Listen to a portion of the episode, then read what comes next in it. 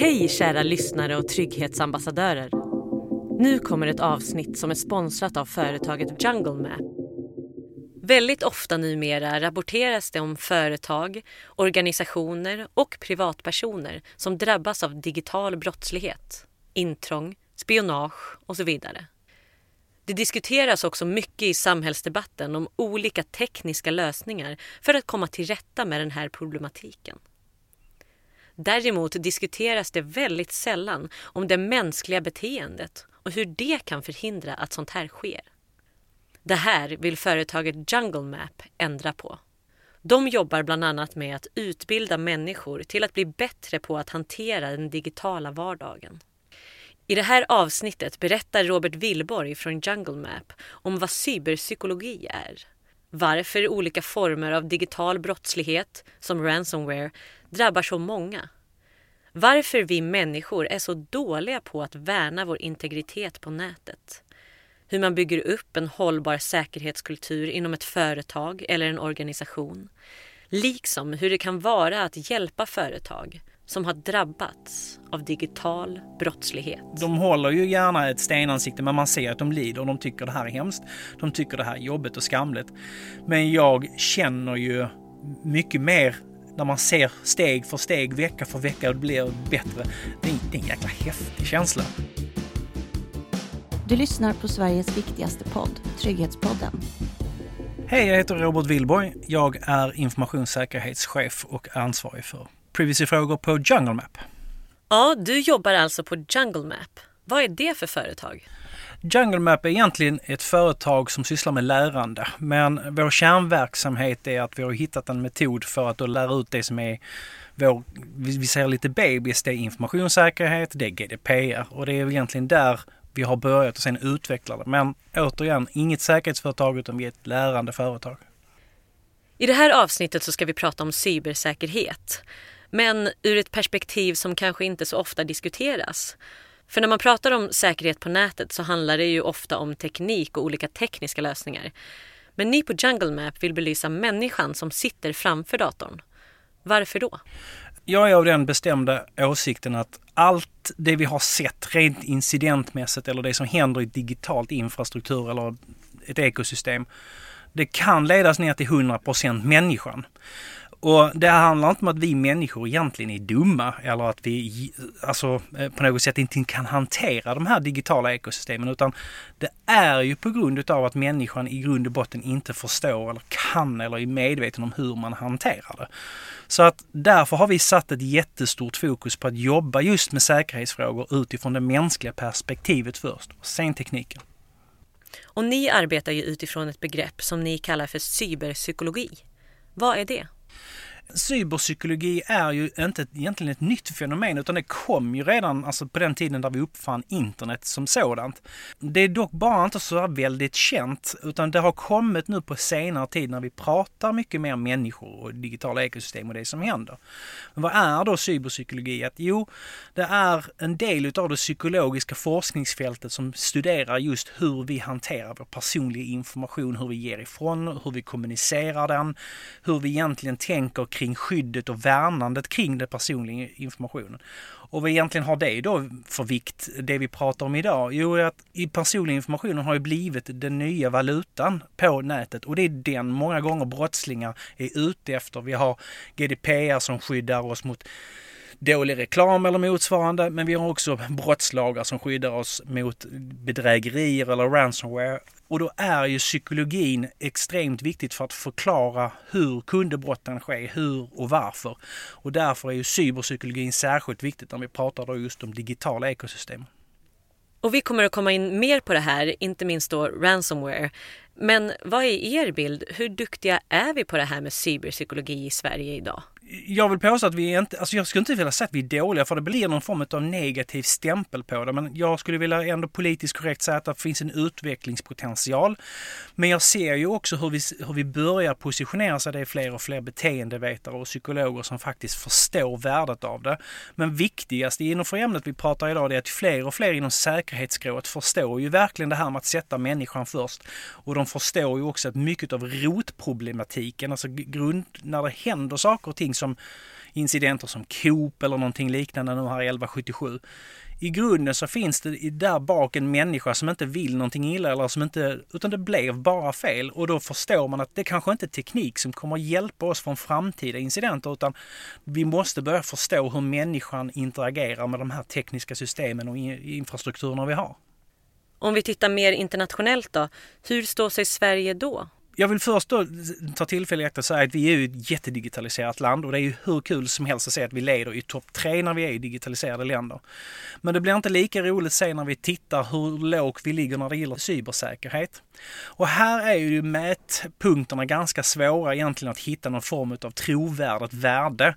Det finns de som bara mäter vår IT-säkerhet. Där ligger vi jättelågt. Där kanske vi ligger ner på 46 plats globalt. Tittar vi mer på när man mäter utifrån processer och rutiner och hur vi efterlever säkerhetsrelaterade lagar online, ja då kanske vi ligger högre 26 plats. Jag skulle mer vilja säga det som att vi tittar på de här index där vi kanske tittar från en skala från 0 till 10 där 10 är jätteuselt. Där vi hittar Afghanistan som inte har en digital infrastruktur överhuvudtaget. Och sålunda så är man ju inte inne på någon form av IT-säkerhet heller. Men där ligger ju Sverige på tolfte plats kanske och vi stiger hela tiden för vi jobbar ju aktivt med de här frågorna och det är därför jag säger då inledningsvis att här finns ju en utvecklingspotential.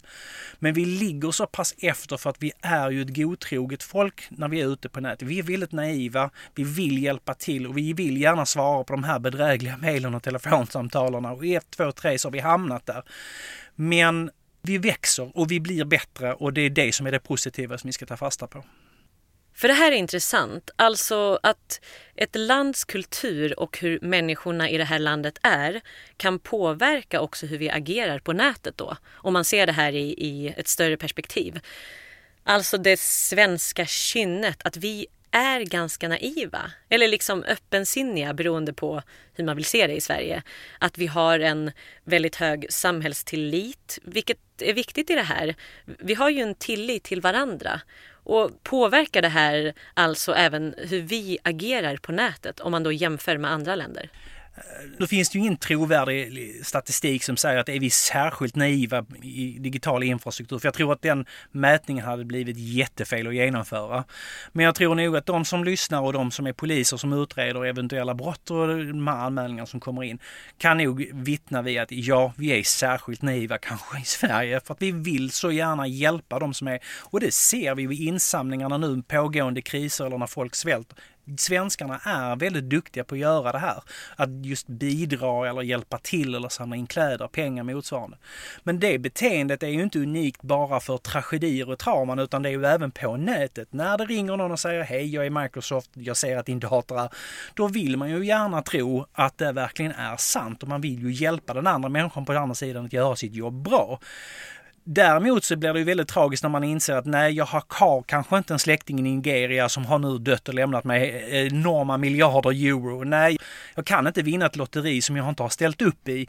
Då blir det nästan så att man lägger liksom huvudet på sned och säger att ja, det där är ju särskilt naivt.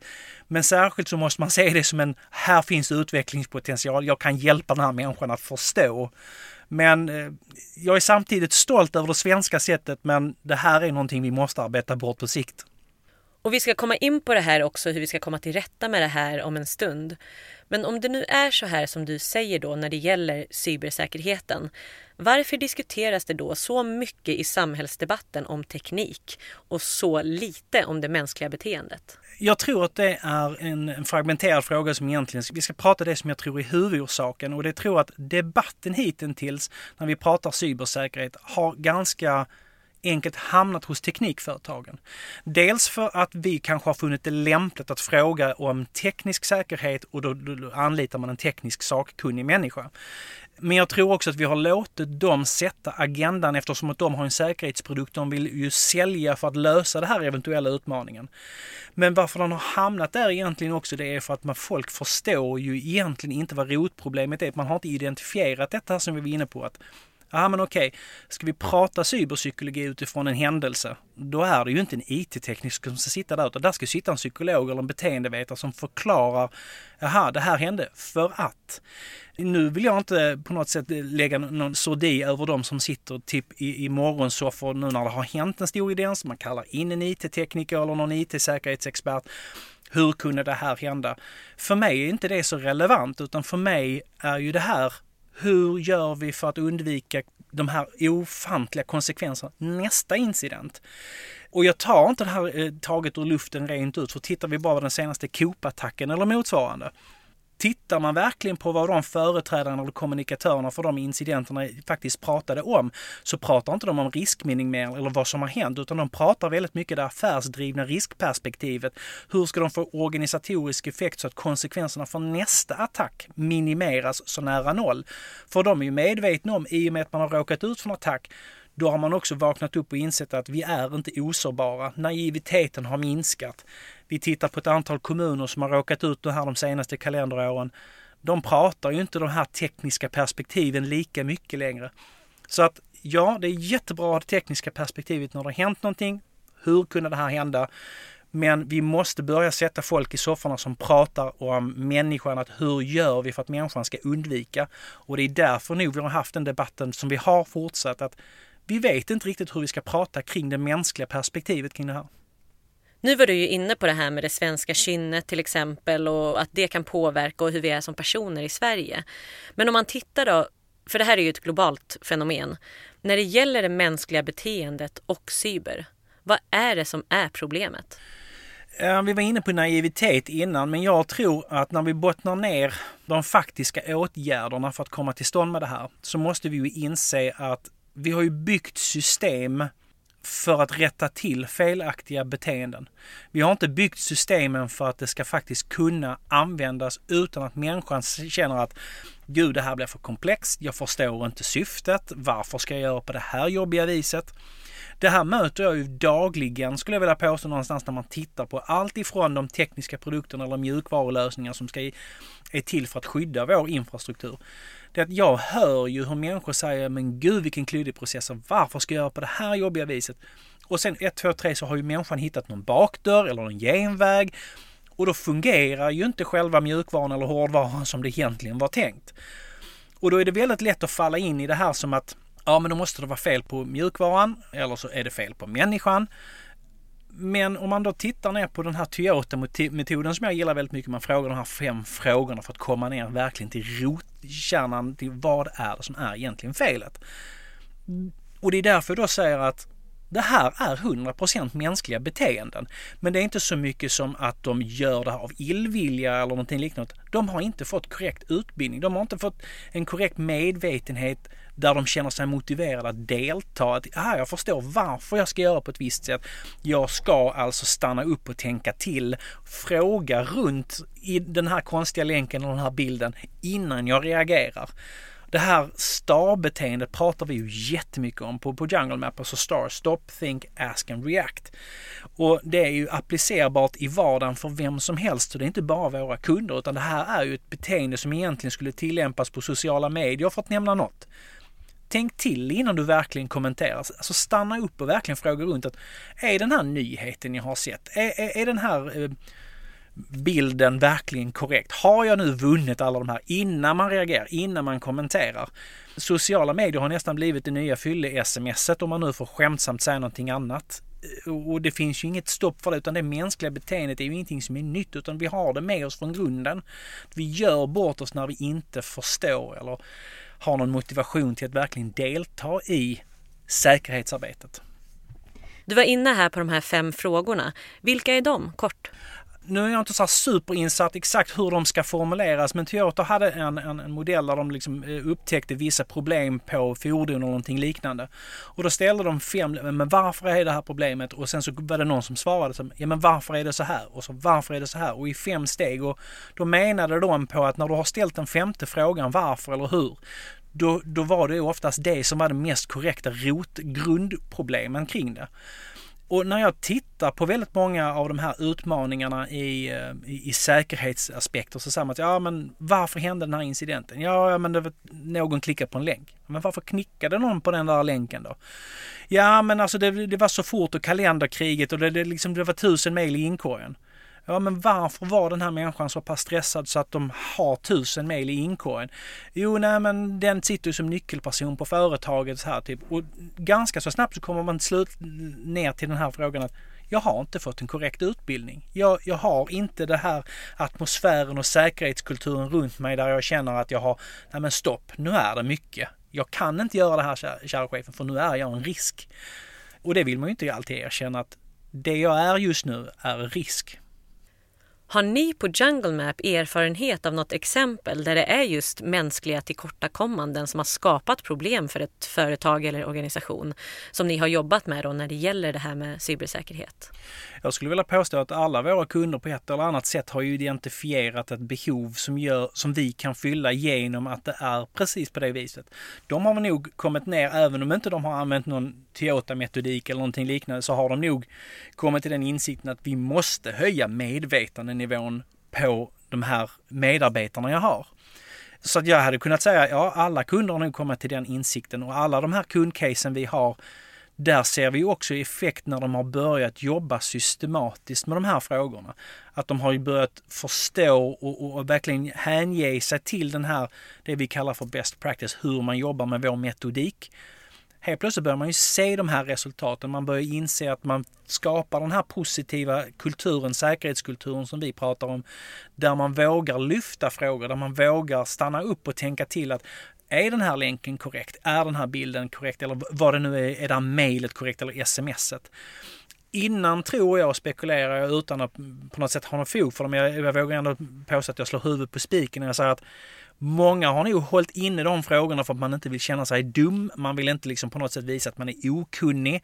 Särskilt vi män. Det är klart som tusan att vi kan sätta ihop en bokhylla från IKEA men vi behöver inte läsa instruktionerna för vi tar fram alla verktyg vi har. Det här ska ju lösas och sen sitter vi ändå i kundsupporten och ringer in. Men det är faktiskt applicerbart på det här att om vi har den kulturen så är det en negativ säkerhetskultur när ingen vågar fråga. Alla försöker lösa det själv och hitta genvägar. Men det vi jobbar med, med, med vår metod är ju att ta fram en atmosfär genom metoden där folk börjar frågasätta, okej, okay, är sommar 1, 2, 3, 4 ett bra lösenord?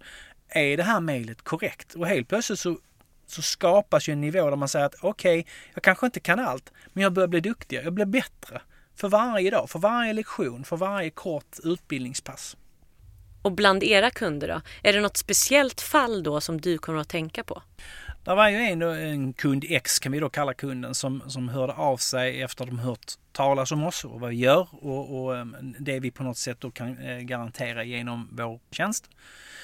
Och eh, där hade de haft oerhörda problem med inte bara dåliga länkar utan de hade fått in eh, massa skit i infrastrukturen genom att arbetarna och medarbetarna inte hade den nivån som krävdes för att kanske kunna se, förutse stanna upp och tänka till.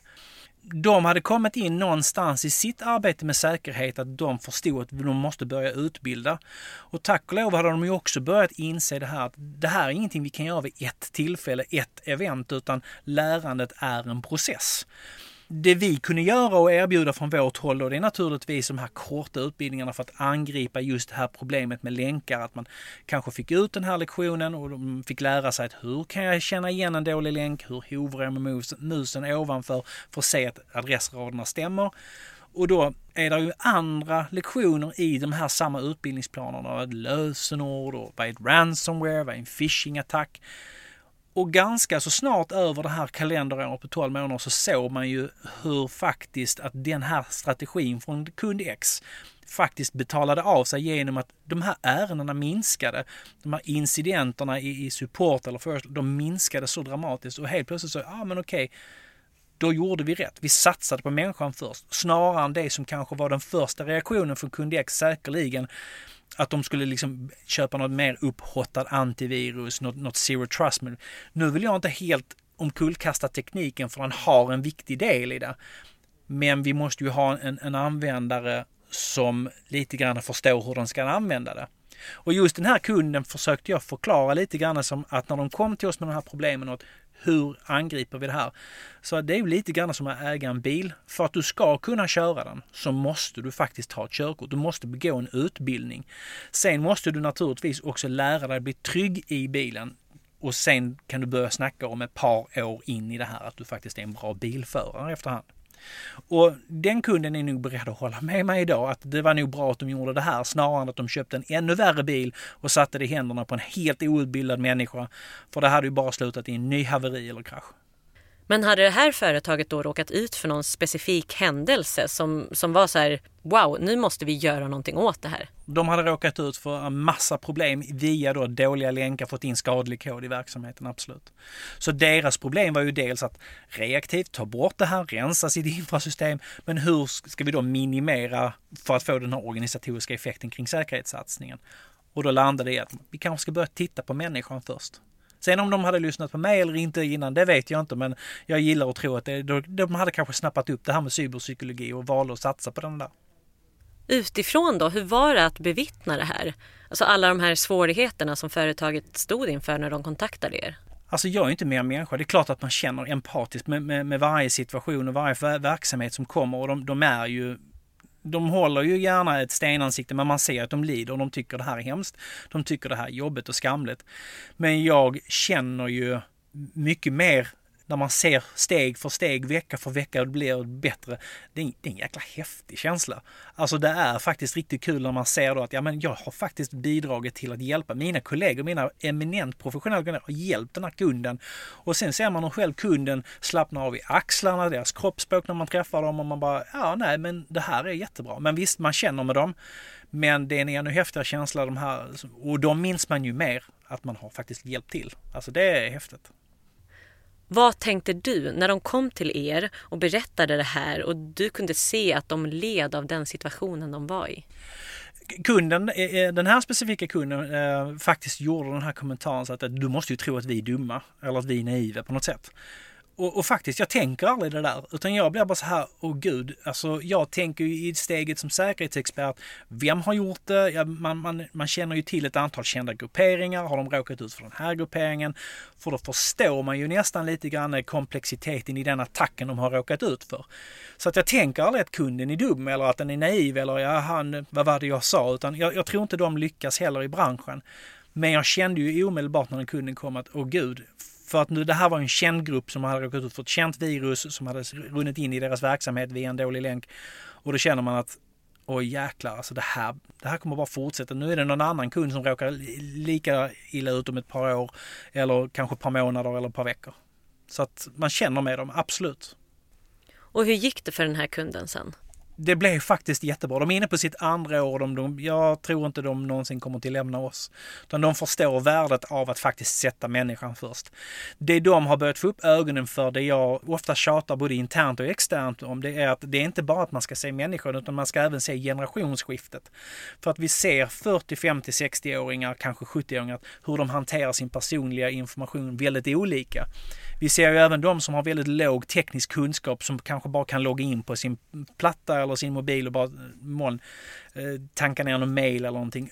De kommer till att hantera sin information på ett sätt. Sen kommer 20-25-åringarna för ett företag så det går inte att ha samma säkerhetsinställning eller samma säkerhetstänk utan det är ett väldigt flexibelt område. Och det rinner ju över i det vi, alltså den metodiken Jungle Map står för. För att du ska ju nå kommunicera ut den här metoden så att den ska kunna vara lätt att liksom konsumera den här informationen och sen omsätta i någon form av praktik. Och det är ett sätt att nå den 20-25-åringen och det är ett helt annat eh, utmaning som säkerhet. Och den här kunden har ju blivit så pass mogen så man har redan nu börjat liksom skissa på strategier för det där och det där är bara ännu mer häftigt att se för då har de ju börjat växa. Och vad är då ert arbete, er strategi? Vad gör ni för att hjälpa kunden då för att de ska bli bättre på cybersäkerhet?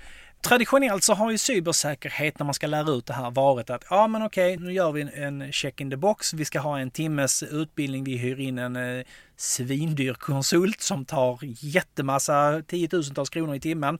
Och sen så har vi lite gratisfika. Alla kommer för gratisfikan eller för att ens arbetskollega också ska gå dit på det passet. Och sen kommer man in och efter fem minuter börjar man att zooma ut, särskilt de som sitter längst bak, för de hör inte, de förstår inte, de kan inte. Och efter när de har gått därifrån efter den timmen så har de glömt 70-80% av hela innehållet. Men säkerhetschefen kan då liksom, göra check in the box. Nu har jag ju genomfört den här utbildningen. Men vi, vi har ju alla gått i skolan. Det där är ju ingen utbildning. Hur många av oss kommer ihåg faktiskt lektionerna från nian, åttan, sjuan? Det vi då gör annat, vi utmanar den traditionella pedagogiken. Det är att om vi ska lära ut lösenord så får aldrig en lektion vara längre än fem minuter. Helst runt tre för att människan slutar. Och det här är ju samma sak på Youtube. Kan du minnas verkligen att du liksom, ja men nu ska jag ladda ner en bra video om hur jag bygger min altan nu när det blir vår. Du kommer ändå skippa förbi alla de här tutorials och inledningarna för att komma men hur skruvar jag fast brädan? Och det är lite så vi måste tänka. Så håll det väldigt enkelt och kom till kärnmeddelandet och, och verkligen, det här är ett dåligt lösenord, det här är ett bra lösenord. Så här skapar du. Vad är ett ransomware? Hur beter det sig och hur kan det komma in? Max 3 till 5 och sen så får den lektionen ligga sen och jäsa i hjärnan så att den kan processa, analysera och omsätta den. Vi kallar det för spaced repetition. Sen kommer det en ny lektion om ett par veckor sen, en ny lektion. Men det viktiga är att det här är en process och det blir ett lärande året runt. Så att de som kommer till oss, ja det är en abonnemangsform, men de inser ju ganska snabbt att aha, det här är en process som fortlöper. Jag behöver inte det här one time, one stop shop och sen så har alla glömt det. Utan de ser ju också hur det här ger effekt. Korta sjok, intensivt, fokuserat. Och hur lång tid är en sån utbildning då? Tills att ni känner att ah, men nu är ändå kunden relativt vällärd. Nu är den, om man säger en duktig bilförare. För ett lärande tar ju aldrig riktigt slut. Men så att man ändå är just den där duktiga bilföraren om man tar det exemplet. Jag skulle vilja vända på frågan och säga att det är aldrig vi som avgör om de är bra bilförare. Men jag märker ju hur kunderna själv ser hur deras förmåga och färdighet faktiskt ökas ganska omgående. Så att det blir en mer, det blir en, en, en hunger att verkligen utveckla att köra det här år efter år efter år precis som vi då förordar. Men de ser ganska snabbt en, en, en förändringspotential till det extremt mycket bättre. Det är, jag känner inte till en kund som inte på något sätt känner det utan de, de märker hur det blir förändring. Men vi kan också se att ja, men de uppnår en ganska så grundläggande cybersäkerhetshygien, det vill säga en grundläggande ren infrastruktur rent säkerhetsmässigt. Det är ganska vanligt att man i alla fall når det inom en 12 månadersperiod för att ta nästa steg. Vi pratar om mognadsskalan rätt mycket inom säkerhetsbranschen. Och det är svårt att placera in kunder, men du är på mognad 1 och du ska upp till 4 eller någonting liknande. Men jag märker hur kunderna metaforiskt ganska snabbt från att ha blivit nedslagna i golvet efter en, en incident jäkligt fort är uppe och kryper och faktiskt till och med går inom loppet av, av ett år. För att de har kanske då prioriterat just det här lärandet. De har prioriterat det på rätt sätt med rätt processer. Men framförallt att de har satt de här kanske lektionerna främst i utbildningsplanen som är kopplat till den här incidenten som har gjort att de är där.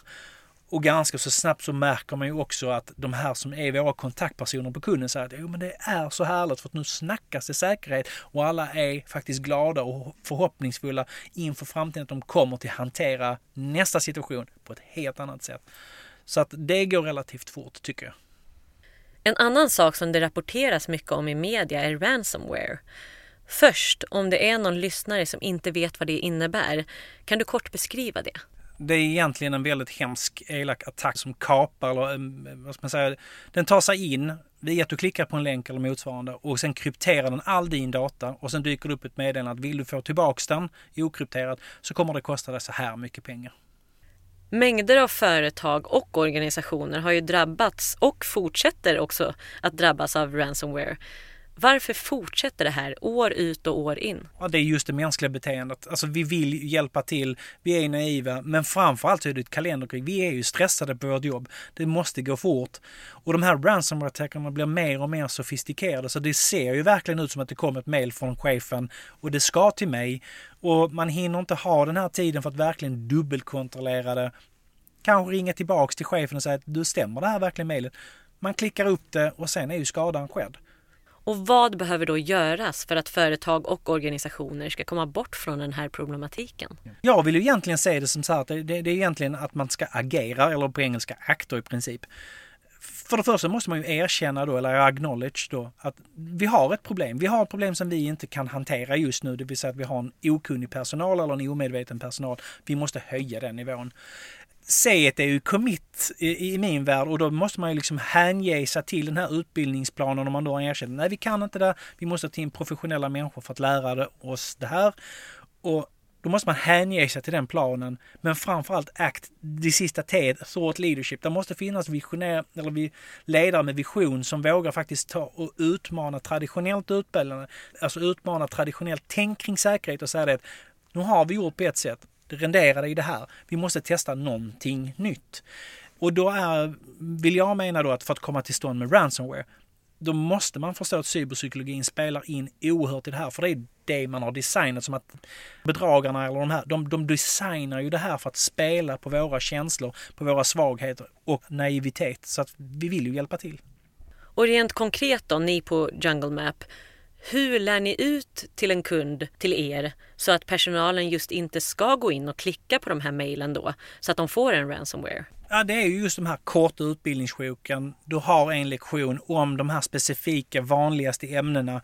Hela vår utbildningsplan innehåller ju lektioner, olika lektioner som är ju riktat till de mest vanligt förekommande problemen. Där är bland annat phishing-mail, men framförallt ransomware. Hur fungerar det på sociala näten? Vad är falska nyheter och informationspåverkan? Men så tar vi ett ämne i taget över tiden och då hinner man ju tänka till när man har läst den här korta lektionen då på 3 till 5 minuter. Liksom att, ja men okej, hur kan jag då applicera det i min vardag? Och då börjar man ju tänka i helt andra banor och då börjar ju också beteendeförändringen. Du var inne förut på det här med vår digitala integritet på nätet.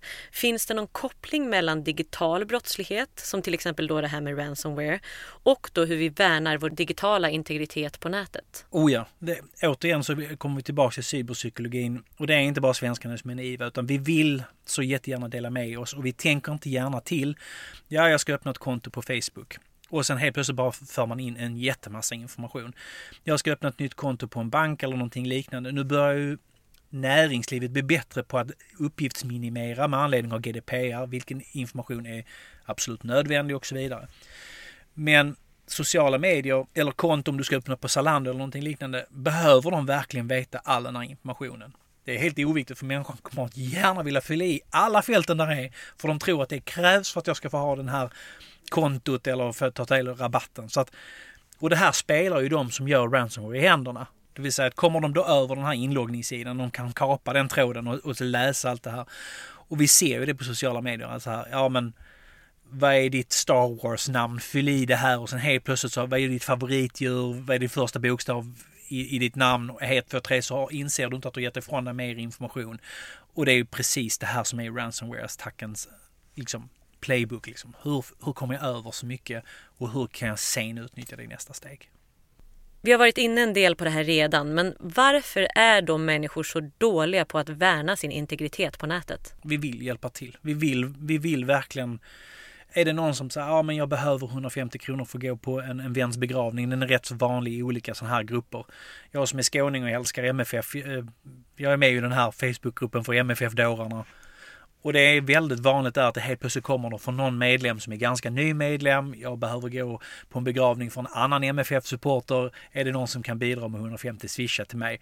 Alltså det är ett bedrägeriförsök så gott som någon, men det är ganska vanligt idag och då vill vi ju hjälpa.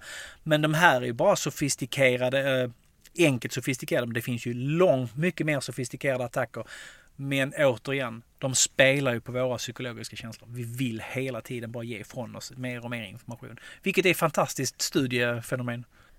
Har du något exempel på hur smarta, om man säger så, de här bedragarna faktiskt kan vara för att lura folk? Här vill jag ju säga Kevin Mitnick är ju fortfarande lika aktuell och han hackade DMV, alltså det motsvarande Trafikverket eller vad det var, Körkortsverket i USA med telefonsamtal. Och det finns de som liksom spelar upp känslan att det är någon eh, mamma med en hysteriskt skrikande barn i bakgrunden och de behöver liksom de ber den här telefonisten om någonting som gör att de måste göra ett avsteg från säkerhetsrutinerna. Man vill ju bara hjälpa, men hallå, tänk till en gång till. Och jag tror att väldigt många svenskar tror det är synonymt med att det är oartigt att ställa motfrågor. Ja, men det är ju inget oartigt på något sätt att faktiskt vara nyfiken. Ställ den här frågan och känns det inte rätt, ja, men då, vi får ju inte hamna där, där vi tycker det är oartigt att inte hjälpa till när vi känner att det här står ju inte rätt till. Men eh, så att nej, där är en uppsjö massa tekniker där ute, men alla spelar dem på våra känslor. Nu har vi pratat om hur vi hanterar vår egen information på nätet. Kan det på något sätt kopplas till vår förmåga att bedöma och hantera information från andra på nätet? Ja, nej men absolut är det ju så här, alltså eh, jag tror att vår förmåga att, att källkritiskt titta på någonting från ett källkritiskt perspektiv är så främmande för oss. För det är på något sätt som att vi skulle ifrågasätta den vi, som är vår vän eller bekant. I princip tror jag att många liksom, ja men nu ifrågasätter jag den här personen så att det skulle vara som den är lögnare. Men att vara misstänksam är inte att ifrågasätta någons ärlighet utan att vara misstänksam är faktiskt att skaffa sig den här erfarenheten och faktiskt se det då som ett gyllene tillfälle att kunna bekräfta. Men att just byta ut information och att dålig på att ifrågasätta, det ser vi på Facebook. Polisen vittnar ju också om det här med Facebook-bedrägerierna. Att, och, och, det är inte Facebook i sig utan det, det, det blir ett, ett meddelande, du kapar en, en, eh, ett konto, du kapar en bild och sen så tror man att det är sin kompis och sen börjar man ge ifrån sig för att vi har ju delat en öl på, på Söder. Nej, självklart ska jag hjälpa dig.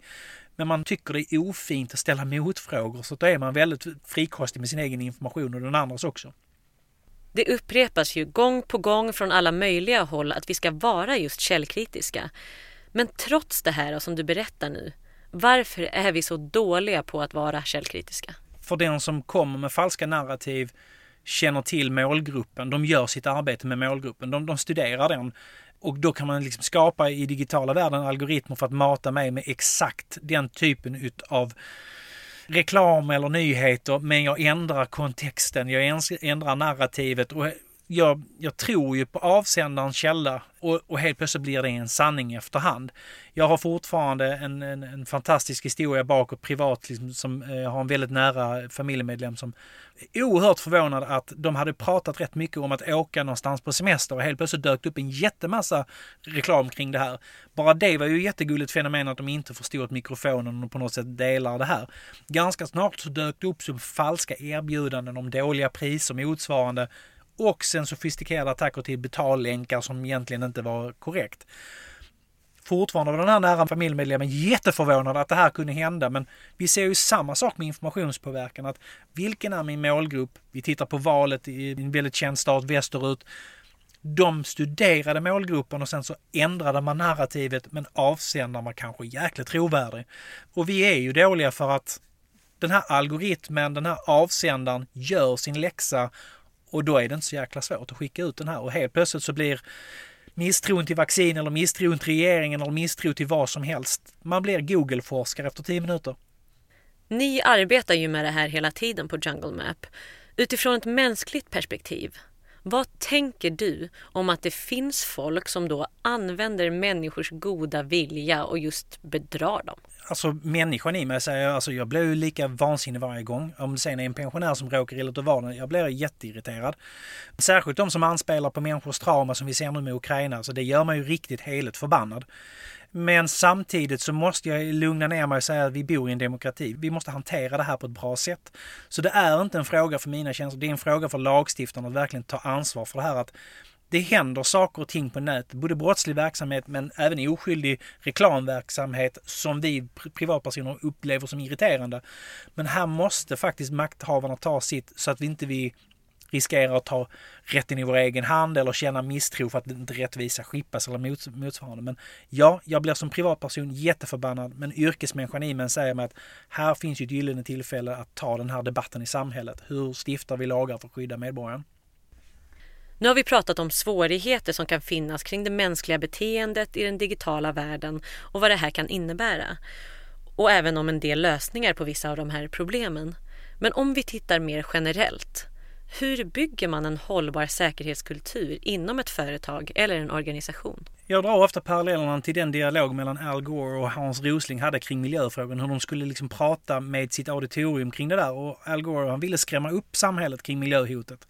Hans Rosling var kraftigt emot och gjorde aldrig det utan det var positiv förstärkning. Och det här har Jungle Map kraftigt tagit till sig, eh, skulle jag vilja mena, att vi bygger det processuellt över tid. Men det måste vara en positiv kontext. För är det gammaltestamentenligt att det blir väldigt negativt, det blir ett stigma att prata om det, man känner sig dum då blir det ingen hälsosam säkerhetskultur. Utan en säkerhetskultur som är positiv och verkar för företaget där medarbetarna inte blir motarbetad. Då är det process och det är mycket positivt. Man måste förstärka.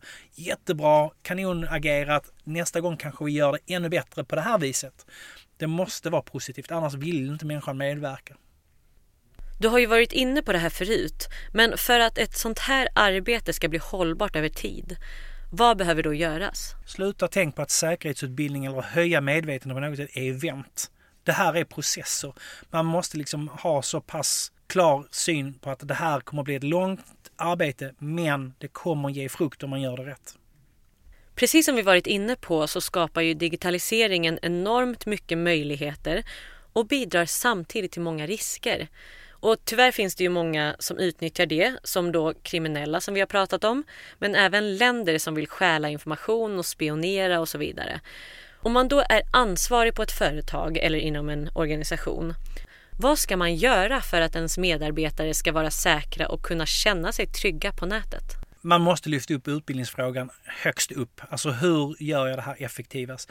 Och det är ju inte bara jag som sitter och pratar i egenskap av då liksom att jag har en tjänst att sälja utan det är ett otal rapporter från EU. Enisa är ett, ett organ som har liksom just nu nyligen släppt eh, sin rapport över säkerhetsmånaden 2021 deras findings nummer ett var att man måste titta på det här med cyberpsykologi och utbildning. Nederländerna som ligger väldigt extremt högt, vi pratade innan om var vi ligger i Sverige. Nederländerna ligger extremt högt upp i sin säkerhetsmedvetenhet. Varför det? Jo, därför det är där är lagkrav och genomföra awareness. UK ligger extremt högt upp. Ja, men är det bara för att de har massa James Bond och MI6 och MI5 och de är jättesuspekta? Nej, de jobbar lika mycket med det här och använder ord som vi i Sverige skulle säga bör, som vi läser in som skallkrav.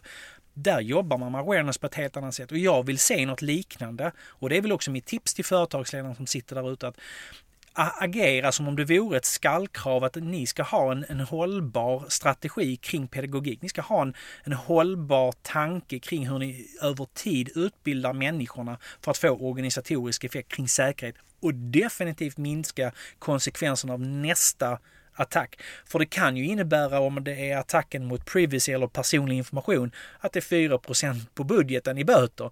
Och jag tror inte det finns något företag som hade överlevt det om, om det utdöms maxbelopp. Nu har vi pratat mycket om det mänskliga cybersäkerhetsarbetet inom företag och organisationer. Men hur ska man tänka som privatperson när det gäller det här? Samma sätt egentligen, alltså den här star stanna upp, tänk till, fråga runt. För att, alltså, man måste våga erkänna att även jag som då som är digital expert i någon viss mening, när det kommer ut en ny modell på en telefon eller någonting liknande så börjar jag fråga dem som faktiskt har gjort den. Så att det är inget, man, man får inte se det som ett stigma att, att, jag kanske inte kan, men fråga runt. Stämmer det här? Är det korrekt? Är det riktigt? Och se till så att källan till den informationen inte är Google för att de första två, tre sidorna är ju annonser eller betalda sidor utan fråga kanske någon släkting. Ta dig verkligen tiden att fördjupa dig i någonting så du verkligen kommer till, till stånd med att hur gör jag lösenordet? Vad är ransomware? Tro inte liksom bara på mig som sitter här och pratar utan fördjupa dig själv. Även om det tar 5-10 minuter av din tid så är det väl värda investeringar att verkligen sätta sig in i det och vara misstänksam utan att tro att det är något fult att vara misstänksam. För det är något positivt. Till sist då, om den som har lyssnat nu funderar över vad de behöver göra på sitt företag eller inom sin organisation och även privat när det gäller den mänskliga cybersäkerheten. Vad vill du då säga till den personen? Tänk när ni var små och hade de här pysselböckerna och så kom man upp till den här labyrinten. Ganska snabbt så upptäckte man att man skulle inte börja från punkt A till B i början utan man skulle dra den baklänges. Jag säger till de här företagsledarna, gör likadant. Måla upp den här, vad vill vi? Alltså, vad är vi när vi är färdiga med det här? Vad är målet med det vi ska göra? Och sen dra linjen bakåt och hitta de här mätpunkterna för att veta att man är på rätt väg. Att jag skulle höger i labyrinten, jag skulle vänster i labyrinten.